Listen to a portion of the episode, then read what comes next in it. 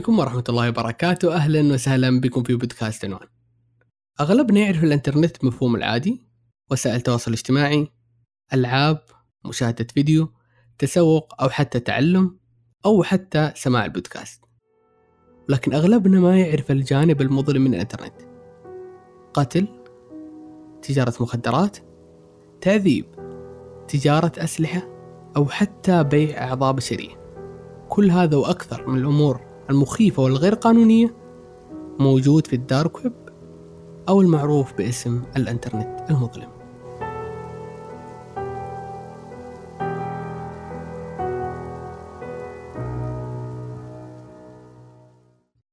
قبل ما نبدأ خلينا نوضح لكم الفرق بين ال deep web وال dark web ال deep web داخل سجلات حكومية سجلات مالية خدمات تراسل قواعد بيانات معلومات سياسية.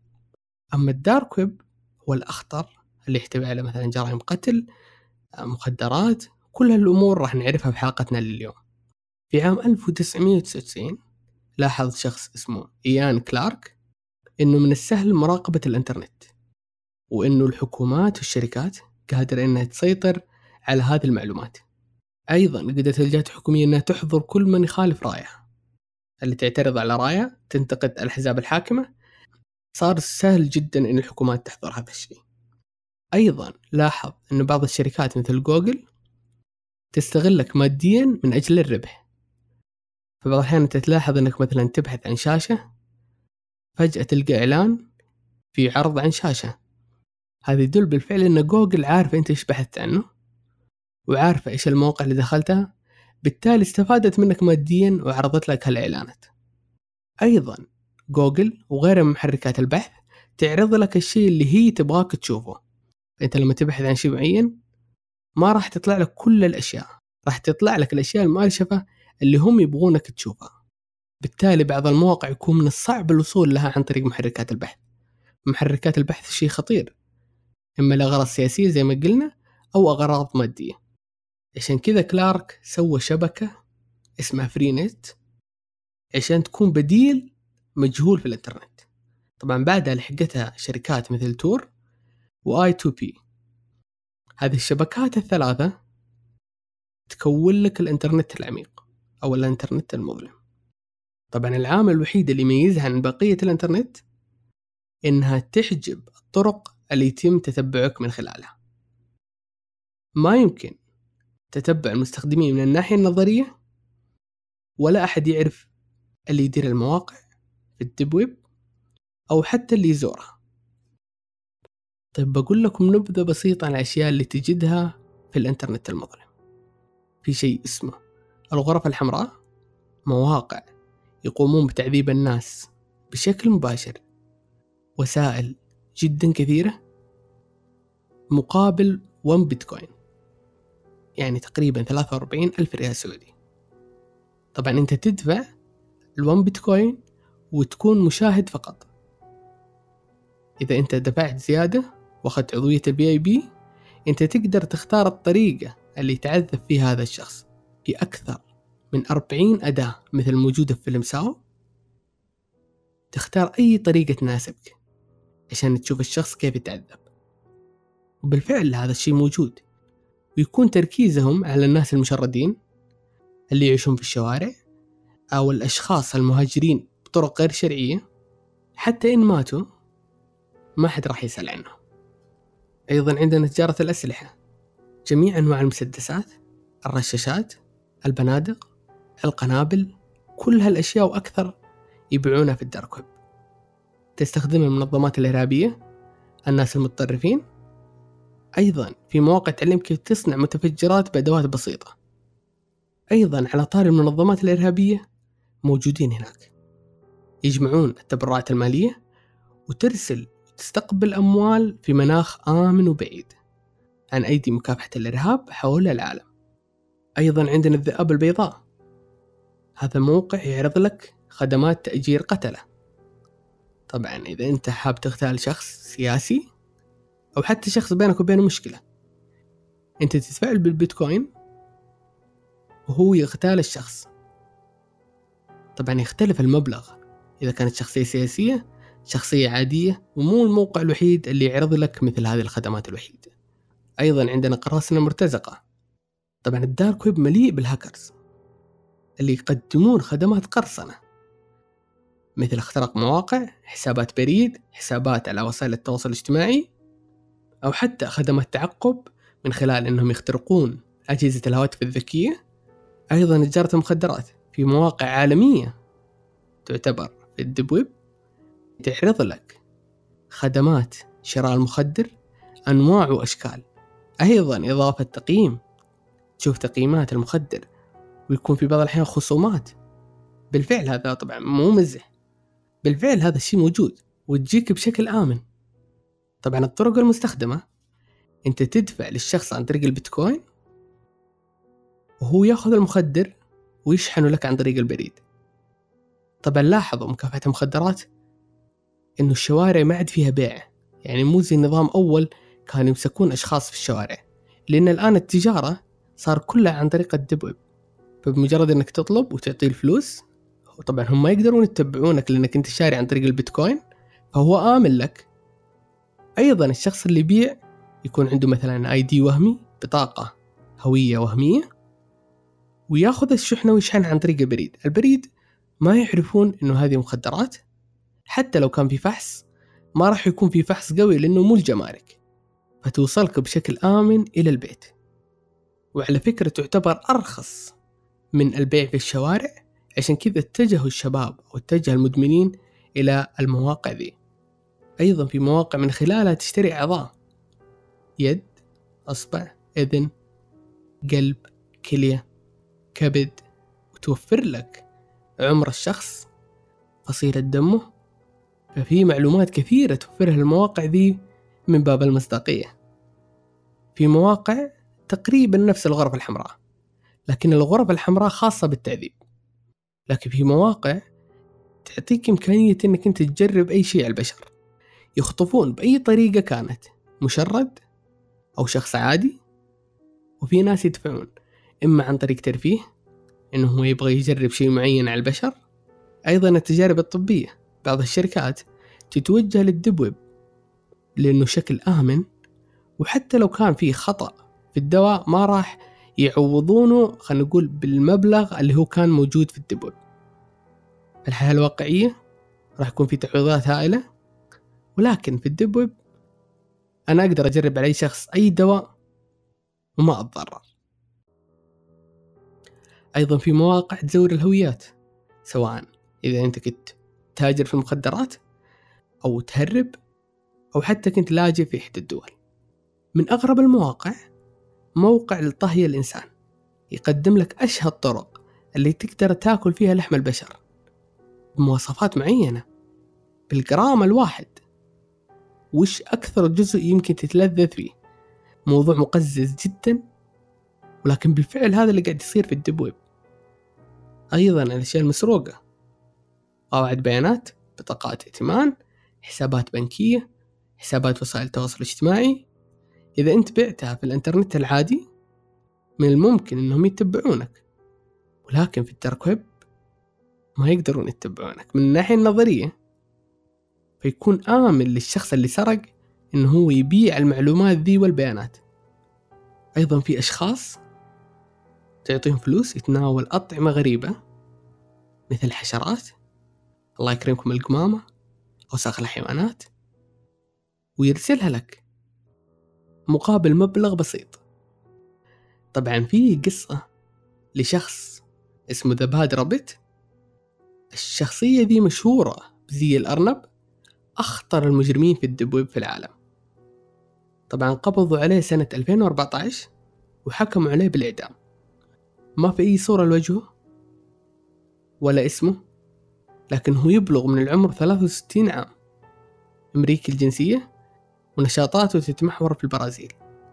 طبعا كان يجلب الأطفال من مختلف أنحاء العالم أو يخطفهم أو حتى يشتريهم من الدب ويب أو حتى عصابات المافيا. كان يأخذ الأطفال ويعذبهم ويعرضهم في الغرف الحمراء.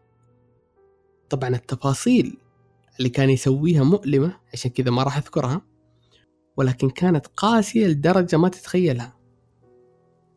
طبعا قبضوا عليه لأنه خطف طفل عمره أربع سنوات وكان في يده ساعة صغيرة فيها GPS. لما تعقبت الشرطة مصدر الإشارة لقوا مزرعة كبيرة.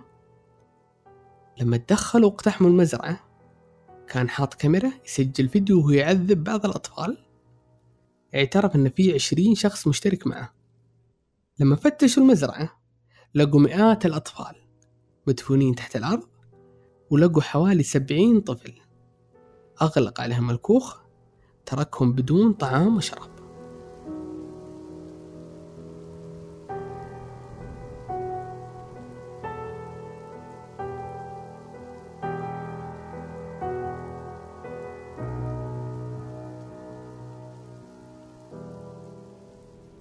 إحنا ذكرنا قبل شوي البيتكوين وإنه هو العملة المستخدمة على الدب ويب عشان يحافظون على سرية التعاملات. ولكن خليني أشرح لكم البيتكوين بشكل أوضح. العملة ذي مشفرة يعني ما يمكن تتبعها اخترعت سنة 2008 طبعا تتيح العملة ذي الخصوصية بامتياز. ما يتم كشف أسماء المشترين أو البائعين. عشان كذا هذه العملة المفضلة في الإنترنت المظلم. طبعا العملة ذي ما فيها وسيط بالتالي هي أكثر الوسائل أمان في الديب ويب. بعض المواقع الإلكترونية الحين بدأت تتعامل معها في الإنترنت العادي. طيب كيف تتم متابعة مستخدمي الإنترنت المظلم؟ أنا قلت لكم إنه من الناحية النظرية ما يمكن تتبعهم لأنه الاتصالات مشفرة. وطريقة عمل متصفحات تخلي من الصعب تتبعه ولكن هذا ما يعني إنه لا يمكن تتبعه نهائيا. الحكومات إذا تبغى شيء راح تسويه حتى لو اضطروا إنهم يبحثون في الكيابة البحرية بت ورا بت. طيب الآن أنتم شايفين المجرمين؟ شايفين القتلة المخدرات؟ على كلامي ذا من المحتمل إنهم يتبعونه. ولكن من الصعب. مو مستحيل ولكن صعب إنهم يتبعونه لأنه يكون مشفر فيحتاجون إنهم يفكون التشفير. وهذا يكلف أموال كثيرة. بالنهاية يمكن ما يصلوا لأي شيء. وكل ما كان الشخص له خلفية في الإنترنت المظلم كل ما زاد التشفير وسائل الحماية له فصار من الصعب الوصول إليه. طبعا الإنترنت العميق 96% من الإنترنت والإنترنت اللي إحنا نستخدمه جوجل ويكيبيديا وسائل التواصل فقط 4% من الإنترنت. طبعا المعلومة ذي صادمة. لكن هذا ما يعني أن مستخدمين الإنترنت العميق أكثر من الإنترنت السطحي. بالفعل الإنترنت السطحي أكثر ولكن البيانات اللي توصلك من خلال محركات البحث قليلة. زي ما ذكرنا الشركات أو محركات البحث تعرض لك الشيء اللي هي تبغاك تشوفه. ولكن الديب ويب عالم مفتوح. تلقى أشياء قانونية أشياء غير قانونية أمور كثيرة بدون أي فهرسة. بالتالي يعتبر 96% من الإنترنت في ال deep web. طيب يمكن البعض يحاول يدخل ال deep web. وأنا ما أنصح بالشيء ذا. ولكن خلونا نتكلم عن مشروعية ال deep web. عندنا في السعودية دخولك للمواقع المشبوهة يعرضك للمسائل القانونية. هو مو ممنوع ولكن إذا دخلت الموقع مشبوه وتم اكتشافك هنا تتعرض للمسائل القانونية. ولكن قبل ما نبدأ خلونا نعرف المخاطر اللي راح تواجهها في ال deep web. إما مخاطر قانونية أو مخاطر تقنية أو مخاطر نفسية. خلونا من المخاطر القانونية والتقنية. ناس كثيرين دخلوا ال deep web أو ال dark web وتفاجأوا بالمناظر اللي شافوها. بعضهم أقدم على الانتحار لأنه ما قدر يشيل الفكرة من راسه والمناظر اللي شافها. بالتالي مخاطر النفسية جدا عالية. طبعا أنا جربت أدخل قبل ثلاث سنوات للدارك ويب. للأمانة كانت تجربة سيئة جدا. حبيت إني أطلع على الأشياء ذي من باب فضول. طبعا أنا ما كنت أتأثر بمشاهد الدم أو مشاهد التعذيب لأني متعود أشوفه في الأفلام. لكن لما دخلت وبالفعل شفت الشيء ذا قدامي كانت صدمة كبيرة. في فرق يوم إنك تشوف فيلم وأنت معتقد داخلك إنه بالفعل فيلم. ولكن لما يكون شيء حقيقي تأثيره النفسي جدا عالي. فأنا ما أنصح أي شخص يدخل خصوصا الناس اللي يتأثرون. لأنه المشاهد والتعذيب والأشياء الموجودة حقيقية ما راح تروح عن بالك. ولكن من الناحية التقنية احتمال أنه يتم اختراق جهازك سرقة بياناتك أو حتى تشفير المعلومات أو البيانات اللي في جهازك عن طريق فيروس الفدية ولكن بعطيكم عدة نصائح إنك أول شيء لا تعطل أي إضافة في متصفح تور ولا تدخل لما تتأكد إنه محدث لآخر نسخة. لا تستخدم حساباتك البنكية أو بطاقاتك الائتمانية. لا تدخل بدون VPN. لا تحط اسمك إيميلك رقم جوالك أي معلومات شخصية عنك.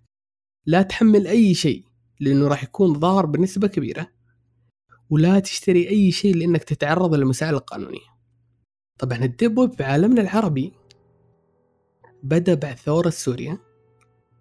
كان النظام يراقب الإنترنت. فلجأوا المعارضين أو بعض الجماعات الإرهابية إنهم يستخدمون ال deep web عشان الحكومات ما توصل له طيب خلونا نتكلم عن الفوائد. إحنا طول الوقت قاعدين نتكلم عن الأشياء السلبية في الإنترنت المظلم. الناس اللي يرغبون في خصوصية يدخلون ال deep web بعيدا عن الحكومات بعيدا عن عناكب جوجل وفيسبوك أيضا المعارضين السياسيين. عشان ما يتم تتبعهم واغتيالهم يستخدمون ال deep web. أيضا حقوق الإنسان تستخدم ال deep web عشان تعمل براحتها بعيدا عن أعين الحكومات. أيضا الناس اللي يكشفون الفساد يقدر أنه ينشروا في ال deep web بالدلائل بدون إمكانية تعقبه. طبعا بعض الحكومات تستخدمه سواء لتأجير مرتزقة دعم منظمات إرهابية وإذا تم معرفة المنظمات الإرهابية ببساطة ما راح يعرفون الشخص هذا. فلجأوا لطريقة إنه الاستخبارات بدأت تعمل في الإنترنت المظلم فيمكن تلقى تاجر مخدرات هو في الأصل يعمل مع الاستخبارات. أو حتى شخص يشتري أسلحة يكون أساسا من الاستخبارات عشان يتبعون البائعين. سووا مقابلة مع شخص من مطورين Tor. طبعا Tor هذا متصفح من خلاله تدخل على ال deep web. ما تقدر تدخل عن طريق Google Chrome Firefox Safari لازم عن طريق Tor. أو بعض المتصفحات اللي ذكرناها قبل شوي. فقالوا له إنه أنت شايف إنه الإنترنت المظلم. داخله قتلة تعذيب بيع أعضاء مخدرات. ليش ما يتم إغلاقه؟ طبعا جوابه كان إذا كان عندك قاتل راح المحل خلينا نقول أدوات بناء واشترى مطرقة وقتل فيها شخص هل نطالب إنه يتم إغلاق أدوات البناء؟ لا بالطبع. بالتالي هو يوضح إنه في فوائد وفي سلبيات. طبعا الحكومات مهما حاولت إن هي تقفله تلقاها مستفيدة أساسا من وجوده عشان تخفي تحركاتها المصايب اللي هي مسويتها. بالتالي الحكومات زي ما هي قاعد تتضرر من ال deep web هي بالأساس قاعد تستفيد منه. إلى هنا وصلنا لنهاية الحلقة اليوم. أتمنى أنكم استمتعتم معي. انتبهوا من الإنترنت المظلم. لا تحاول أنك تدخل أي مواقع مشبوهة وتفتح لنفسك باب. لا تنسون تقيمونا على البودكاست وعلى اليوتيوب وعلى ال SoundCloud. أيضا إذا كنت شخص حاب تشتغل معانا راسلنا عن طريق تويتر بودكاست عنوان أو عن طريق الإيميل. شكرا لكم على المتابعة. في أمان الله.